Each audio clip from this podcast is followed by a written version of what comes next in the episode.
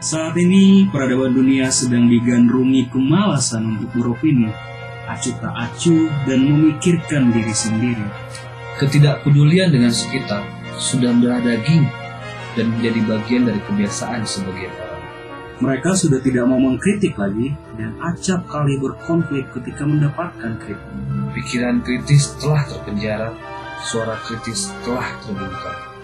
Kini, dua pria kritis hadir membawa aura dan semangat untuk kembali bersuara dengan pikiran kritisnya. Sudah siapkah kamu untuk menjadi saksi bangkitnya kebebasan berpikir dan berpendapat? Saya Charlie, Saya Ricky akan membahas secara kritis tiap fakta serta opini dalam podcast Asal Kritis kalau kritis, gak boleh ngasal. Oke, mari kita mulai podcast kita yang ketiga. Ketiga ya? Ketiga, ketiga. Ini saya Charlie dan saudara saya Ricky akan membahas mengenai PSBB, pembatasan PSBB. sosial berskala besar. ya ini jadi polemik di mana-mana nih. Yo, PSBB. Ini udah mulai. Udah mulai dong. Kirain masih intro. Hmm. Oke, oke. Jadi saya mau buka dulu data nih biar kita langsung ngobrolnya nanti enak ya. Sip. Pasti. Jadi menurut sumber mediaindonesia.com, penerapan PSBB harus didukung dengan kedisiplinan semua pihak. Pasti. Sepakat itu. Nah, terus eh, Dewan Pakar Ikatan Ahli Kesehatan Masyarakat Indonesia, Hermawan Saputra menyatakan penerapan PSBB akan berjalan efektif jika pemerintah disiplin dalam menerapkannya. PSBB bisa tegak kalau pemerintahnya disiplin, karena ini sangat tergantung dari gerak laju pemerintah dan menegakkan kedisiplinan masyarakat, mulai dari RT, RW, kelurahan sampai juga dengan pembatasan transport publik, perkantoran, pemukiman hingga acara sosial budaya dan keagamaan. Nah, di sisi lain gue mau bacain nih, gue dapat dari katadata.co.id untuk beberapa daerah yang udah menerapkan PSBB itu misalkan Jakarta mulai 10 April 2020. Ada beberapa kebijakan yang dilakukan untuk menerapkan PSBB ini misalkan kebijakan transportasi tetap diizinkan beroperasi akan tetapi kapasitasnya harus 50% daripada umumnya untuk tetap memperhatikan social distancing. Kemudian kendaraan pribadi masih boleh beroperasi dengan tetap memperhitungkan jarak antar penumpang. Selain itu yang menarik nih ada beberapa sektor uh, yang diperbolehkan masih beroperasi misalkan sektor kesehatan, makanan dan minuman, pelayanan energi seperti air, gas, listrik dan stasiun, pengisian bahan bakar umum, kemudian keuangan perbankan, Untuk diketahui pada pasal 13 Permenkes 9 garis miring 2020 menyatakan PSBB meliputi 6 poin yaitu peliburan sekolah, tempat atau tempat kerja, hmm, pembatasan kegiatan keagamaan, pembatasan kegiatan di tempat atau fasilitas umum, oke, pelaksanaan kegiatan sosial dan budaya, pembatasan moda transportasi dan pembatasan kegiatan lainnya khusus terkait aspek pertahanan dan keamanan. Nah, pelaksanaan pembatasan sosial berskala besar dilakukan selama masa inkubasi. Masa inkubasi ini melihat dari virusnya ya. oke, oke. Yang paling panjang itu 14 hari. Jika masih terdapat bukti penyebaran, kasus baru diperpanjang nih 14 hari Siap. lagi. Nah di antara itu juga ada nih terakhir nih gue lihat dari artikel nationalkompas.com kalau PSBB itu sudah diterapkan oleh beberapa daerah, misalkan Jakarta, kemudian di sekitar Jakarta itu ada kota Bogor, Jabodetabek Bekasi, lah ya. iya Jabodetabek, kemudian di wilayah Bandung juga udah, kota Bandung, Cimahi, Kabupaten Bandung, Bandung Barat, Sumedang, kemudian di kota Pekanbaru, kemudian di Makassar dan eh, hampir di seluruh wilayah Indonesia telah menerapkan PSBB itu sendiri. Nah, saya juga mau ngomongin beberapa waktu itu saya ikutin eh Mata Najwa Di mana? Di aja dua. Pas ke sana langsung ke sana. maksudnya secara online. Oh, kirain ke sana pengen banget. Bahwa ya, ya, Ibu Ade Yasin Bupati Bogor berkata bahwa PSBB itu sebetulnya adalah kegiatan yang tidak efektif. Kenapa nggak efektif? Tidak efektif karena memang tidak menekan laju penyebaran COVID.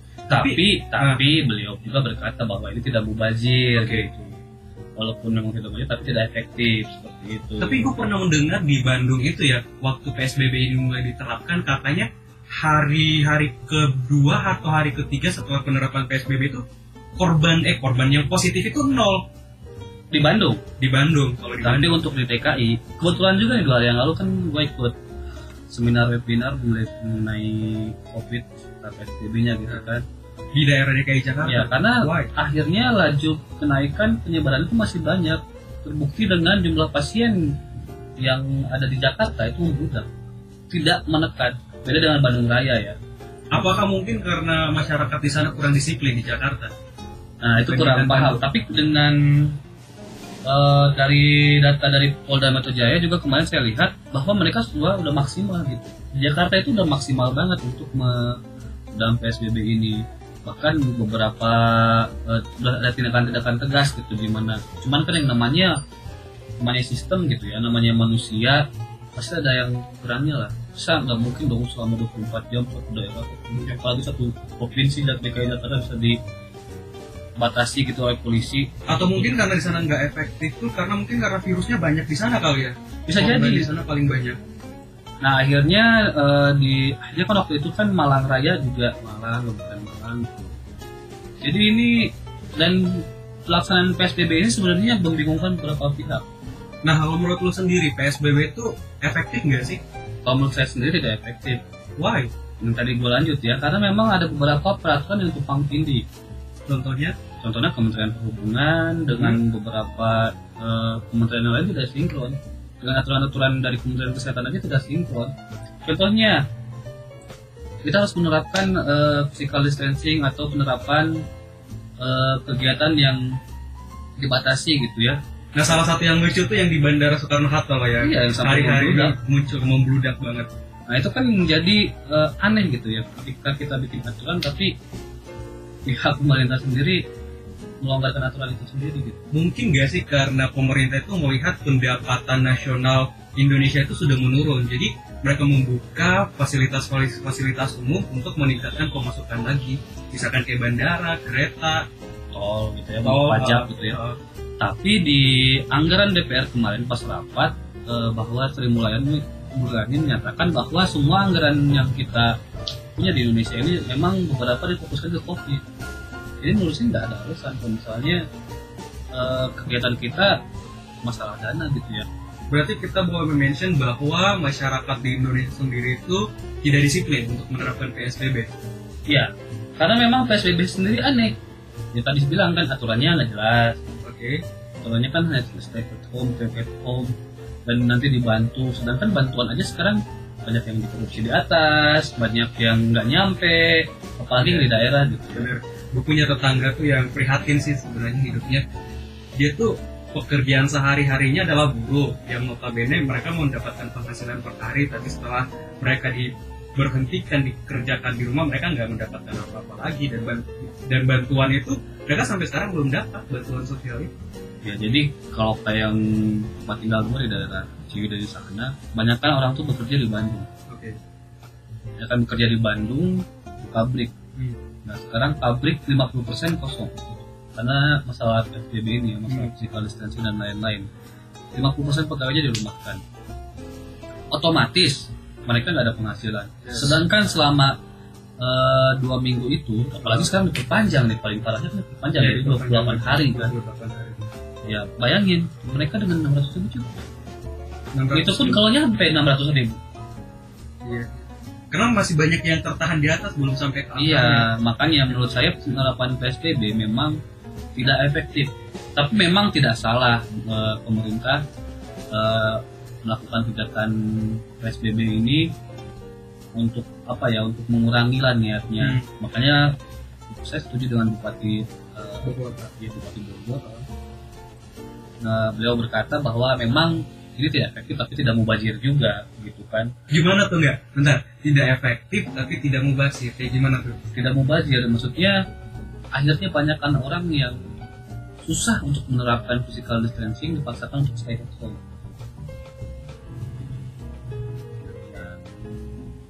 tidak efektif di sini karena ada nilai pela- eh, laju pertumbuhan penyebaran covid ini entah dia sebelum PSBB sudah kena covid Hmm. dan baru Hmm. kena penyakitnya gitu udah mulai terasa gitu Hmm. ya atau memang dia nakal Hmm.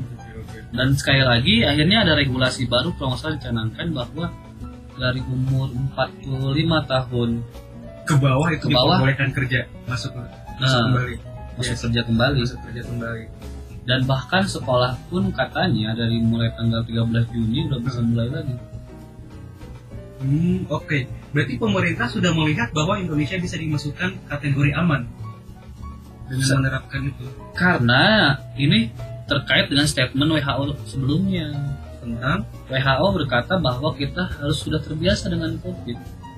udah kayak dianggap pada umumnya lah ya Iya, maksudnya terbiasa di sini adalah COVID ini sudah seperti HIV.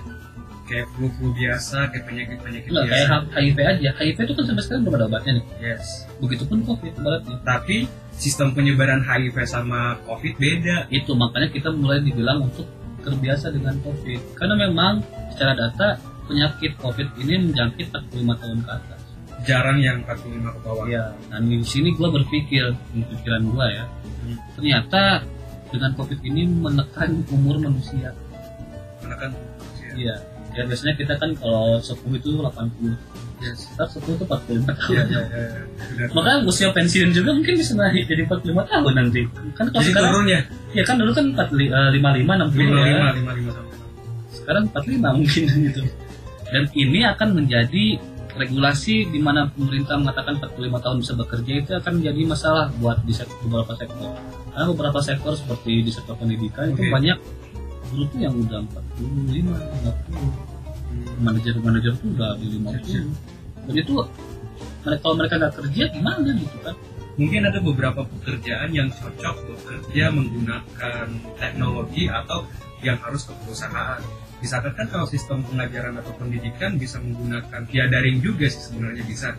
Mungkin kalau misalkan pekerjaan yang kayak manufaktur, kemudian kayak eh, pergudangan atau kayak eh, industri, home industry dan lain sebagainya yang benar-benar mempekerjakan karyawan yang harus terjun untuk menggunakan mesin, mungkin itu nggak bisa dilakukan dengan teknologi. Nah menurutku kalau misalkan hal-hal seperti itu dengan adanya PSBB ini, apakah orang yang bekerja di pabrik-pabrik menurut lo di dibolehkan untuk kerja di pabrik atau dirumahkan?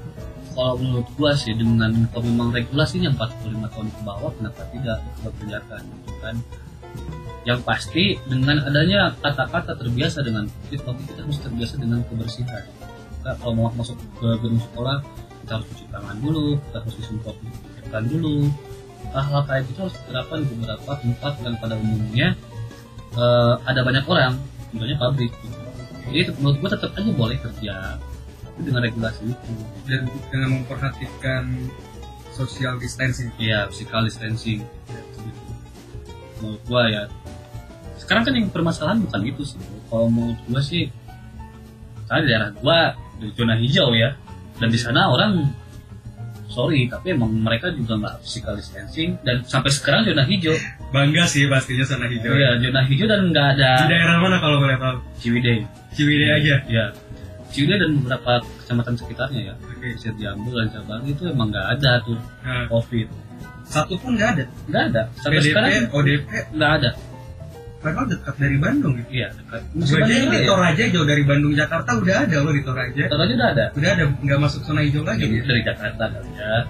Dan tapi kan kalau misalnya itu alasannya, kenapa kan di Ciwidey itu kan sektornya pertanian dan banyak sayur yang dijual ke Jakarta. Banyak supir di sana. Hmm. Dan nggak ada sampai sekarang. Jadi menurut gua, memang pada dasarnya ini penyakit terpusat di Jakarta. Makanya Jakarta menerapkan PSBB pun juga, pun juga nggak efektif. Nggak efektif. Karena sebelumnya udah terjangkit. Karena kita harus akuin Indonesia itu telat menghalangi PS apa pandemi COVID ini. Eh, dan kita tidak tegas karena nggak mampu untuk tegas. Maksudnya di sini kalau Wuhan mampu untuk lockdown karena mampu untuk menghidupi masyarakatnya. Yes. Kalau kita nggak bisa lockdown karena memang nggak mampu. Dan menjadi permasalahannya adalah PSBB. Nggak disuruh kerja. Gimana caranya mereka benar-benar makan? benar-benar. Itu. Dan mungkin juga kalau misalkan Indonesia menggunakan istilah lockdown, itu mungkin bakal pengaruh ke psikis rakyat Indonesia yang belum siap dengan kata itu. Di, di mana juga bantuan pemerintah juga nggak bakal tersalurkan dengan sepenuhnya kalau misalkan harus lockdown. Dilihat juga ekonomi Indonesia juga nggak terlalu se apa ya sebagus negara-negara maju kayak di Cina, Amerika, Italia yang harus mereka lockdown. Makanya mereka menggunakan PSBB. PSBB ini juga kalau nggak salah dilakukan oleh Korea. Jadi Korea Korea tuh nggak lockdown. Hmm. Kita memacu ke sana gitu kan. Tetapi mereka efektif. Myanmar juga kayaknya kalau nggak salah ya, Hmm. mereka pakai bahkan Vietnam sudah dibuka. Vietnam udah buka lagi kan. Yang menjadi permasalahan menurut gue di sini adalah satu, Eh, ketika kebijakan diketahui bahwa PSBB itu nggak efektif, Hmm. kebijakan apa lagi yang akan dikeluarkan oleh pemerintah? apakah harus lockdown. Nggak mungkin, ekonomi kita merosot. Terus harus kebijakan apa lagi kalau emang PSBB nggak? Kalau kalau menurut gua ya, cara pandangan gua memang lebih baik itu dibuka aja udah. Semua dikembalikan. Dibiarkan seperti sedia kala. Karena toh juga ya, gua setuju sama WHO kita harus mulai dekat dengan COVID gitu. Hmm. gitu. Maksudnya dekat di sini ada tujuannya untuk kemanusiaan juga sih. Karena orang perlu makan, orang perlu menghidupi Hmm. anaknya, anak perlu bersekolah, anak itu perlu bersosialisasi. Kita juga sebagai orang dewasa perlu bersosialis, bersosialisasi. ya. Jadi menurut gua dibuka aja sih. Akses ke mana pun jadi susah. Yang pasti ketika ada COVID, bagaimana kita eh, me- menyembuhkannya? Berarti kalau gue bisa tangkap PSBB dibuka, tapi pemerintah harus lebih ekstra lagi kepada dunia kesehatan. Betul. Menemukan vaksin, terus yang kalau dokter dokter Monica yang dari Maret bilang kemarin itu pas seminarnya Bisa menggunakan plasma darah. plasma darah karena plasma darah ini pernah dipakai juga di SARS dan Ebola dan efektif. Dan terakhir gue baca di Singapura kayaknya mereka menggunakan Mereka kan plasma darah. Jadi dulu di Singapura bahkan orang yang terkena COVID itu mereka direndahkan, dibully lah. Karena bagi mereka mungkin aib ya. Aib bagi ini masyarakat sekitarnya tapi ketika masyarakat sekitarnya kena Yes. mereka yang jadi obatnya yang dibully-bully ini. Oh iya. iya. Mereka yang jadi menyodorkan plasma Oke. darahnya Plasma darahnya. begitu. Jadi menurut lo secara inilah keberlanjutannya menurut lo PSBB ini emang cocok buat negara kita. Sejauh ini sih kalau menurut gua masih 50-50% 50-50. Karena kenapa? Ada beberapa ada beberapa daerah di Indonesia yang memang masih diwajibkan untuk PSBB dan ada beberapa daerah yang harus sudah tidak PSBB lagi. Misalkan Ciwidey yang sudah masuk zona hijau, pokoknya daerah-daerah yang sudah masuk zona hijau nggak perlu PSBB lagi. Zona merah itu masih wajib PSBB tapi dengan adanya kegiatan-kegiatan produktif yang dilakukan oleh masyarakat di dalamnya. Dalam artian ketika mereka kerja di perusahaan, mereka harus tetap masuk kerja tapi dengan menggunakan teknologi yang ada misalkan kayak daring, kemudian pengerjaan-pengerjaan tugas-tugas yang bisa dilakukan menggunakan laptop yang tidak harus ke kantor lagi. Lo ada kejadian baru kan, lo tahu sendiri, Mac di Sarina. Ya, seperti itu.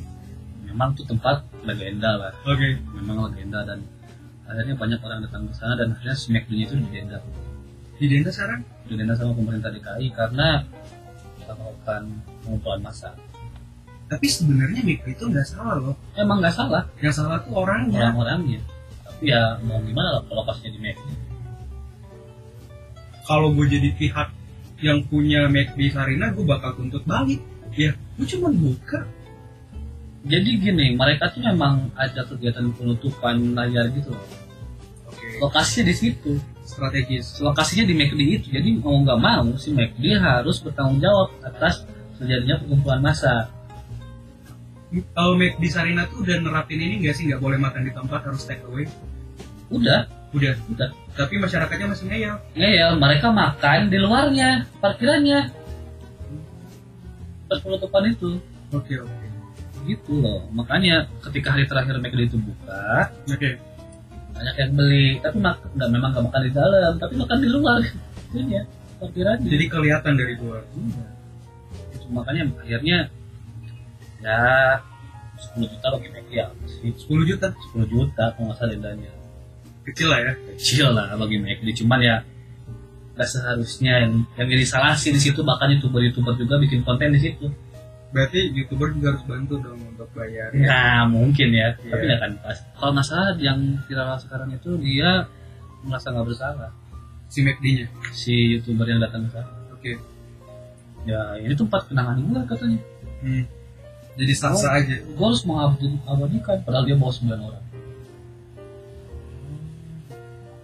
Harus sih kena denda juga para konten kreator itu. susah Susahnya gitu. aturan hukum mana Mungkin dari surat keputusan gubernur kali atau dari wali kota, dari Masalah sekarang bupati. kan nggak ada Ya, mungkin bupati harus meluncurin sekarang juga. nah masalah PSBB nya cocok nggak Iya. nah itu jadi emang banyak eh, PSBB ini banyak akhirnya dikaji ulang Oke. dikaji ulang bahkan eh, lebih baik kita fokus ke ini deh ya, lebih baik kita fokus ke penyembuhan biarkan ekonomi tetap berjalan. Setidaknya nih ekonomi berjalan. Ya walaupun nanti yang sepuh banget sepuh lima tahun ke atas mereka bekerja secara daring yang penting kegiatan bekerja seperti pabrik kampus sekolah jalan bayangin sekarang dengan PSBB ini tol susah banget kan Yes. kan cuma pemasukan dari tol Gede loh. iya Gede. Per harinya nyampe berapa? dan kita lagi pembangunan kita kan tahun ini semua di mana-mana Kementerian PUPR lagi membangun perbatasan perbatasan dengan dengan bagian timur ya kan terus di bagian barat juga kan Tapi pembangunan itu udah sepenuhnya dari APBN, investasi-investasi asing. betul tapi kan menurut bilang kan nggak sepenuhnya sekarang kalau yang nggak sepenuhnya itu nggak dipenuhi gimana bener ya terus yang masalah TK tenaga kerja asing TKA.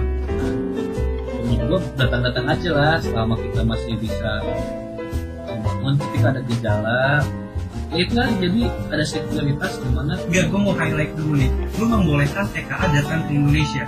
hmm, Kenapa?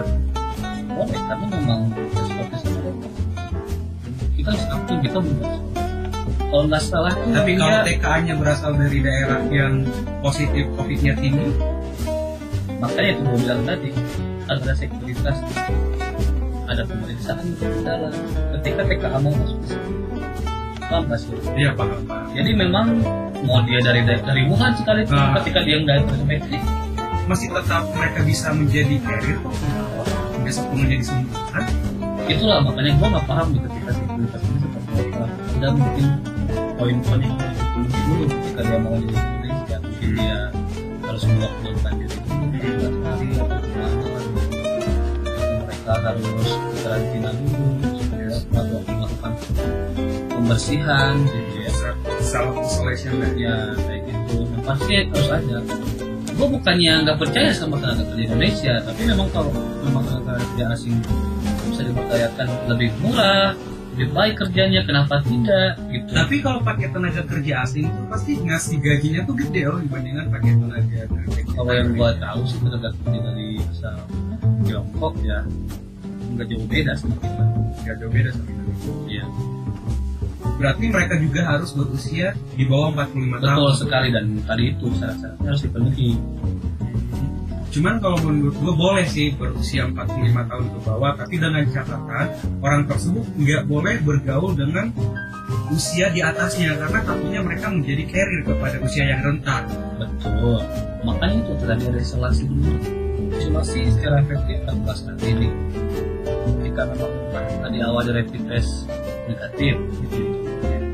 Terus akhirnya dua minggu dia di eh, didiamkan isolasi terus negatif lagi terus dibersihkan semuanya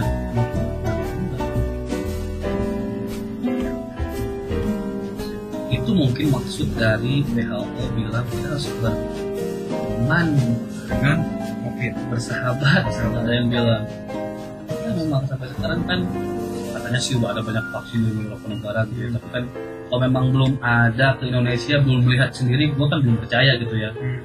Nah, kalau memang kayak gitu ya mau gimana lagi? Karena HIV itu ada di mana-mana. Yes. HIV itu ada di mana-mana. Gue Eh, tuh kemarin baca salah satu artikel terkait tentang PSBB ini. Rata-rata orang yang bandel atau nakal melanggar PSBB ini adalah mereka yang kalangan menengah dan menengah ke atas. Kenapa?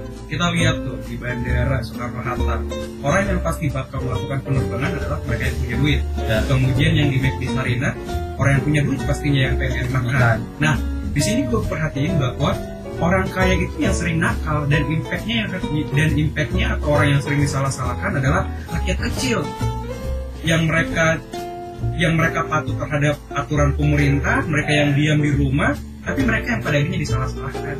ya makanya akhirnya menjadi buah si malakama PSBB ya kan? Beberapa pihak diuntungkan beberapa dirugikan gitu kan? Tapi kalau menurut gua ya memang nggak semua orang yang berduit lah bilang gitu ya tapi menurut gua ya ketika memang inilah dampak PSBB itu. Sampai bandara penuh itu ada dampak PSBB mereka udah jenuh Lu udah lock, eh, lu udah PSBB berapa lama? gua PSBB gua mau pernah keluar Bandung raya dari awal covid.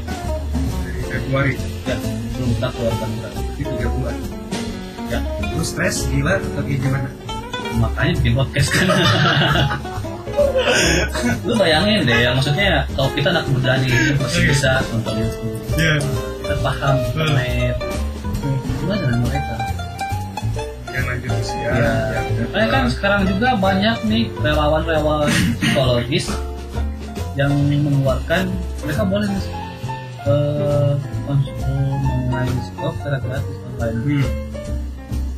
karena memang tahu bahwa dia tidak didiamkan di dalam kandang itu adalah sangat sukses Tinggal menunggu waktu sih untuk kapan mereka bakal jadi. kita emang nggak sakit covid Yes. tapi stres sakit otak, otak.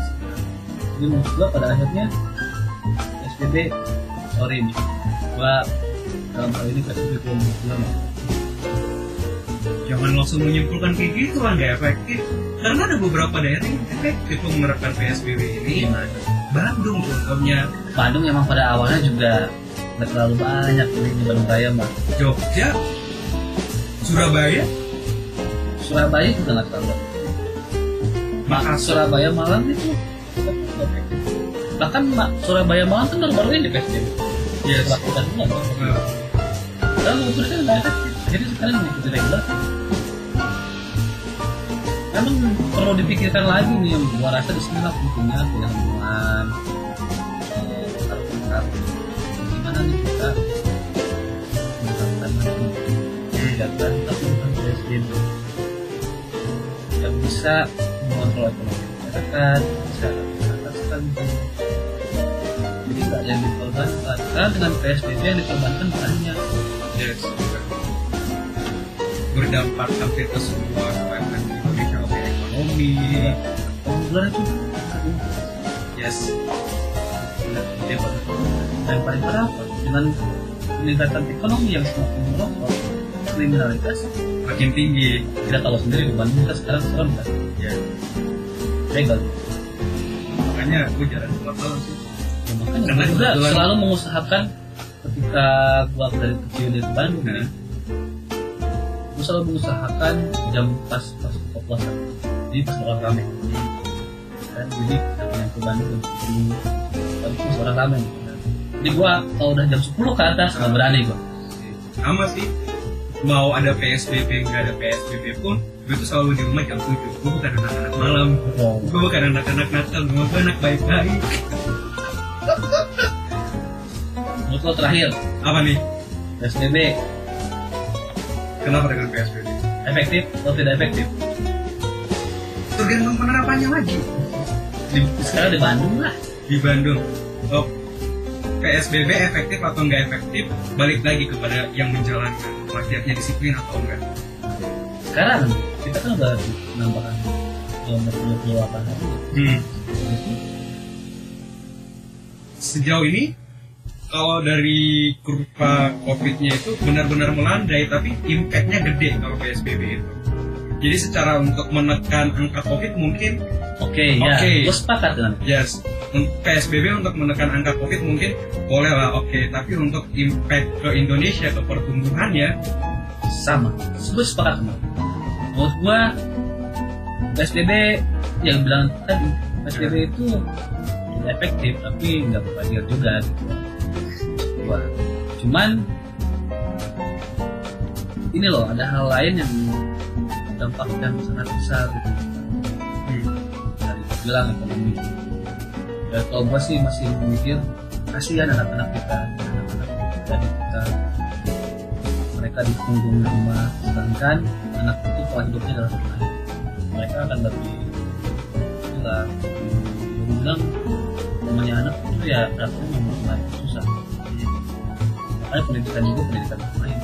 Kalau bermain melalui laptop tablet handphone smartphone lo pikir sendiri mas efektif untuk beberapa waktu sih efektif tapi untuk selamanya enggak. ini udah dua eh, kerjaan sebulan. Mereka sekolah itu udah libur loh dua bulan tiga bulan bayang gak sih? Gimana psikisnya anak-anak sekarang? Generasi covid. Ini berarti secepatnya PSBB itu harus lagi tapi dengan catatan masih memperhatikan prosedur kesehatan. Bisa nggak ya? Ya gue sih berharap kalau emang lu gak mau di rumah harus bisa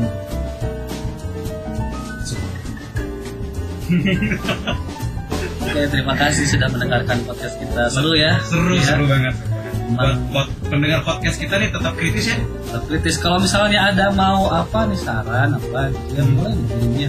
Eh boleh di DM. di DM ya kita ya kalau ada masukan mau pembicaraan apa Yes. gitu ya. Sampai bertemu di podcast berikutnya. bye see you Asal kritis, kalau kritis gak boleh ngasal.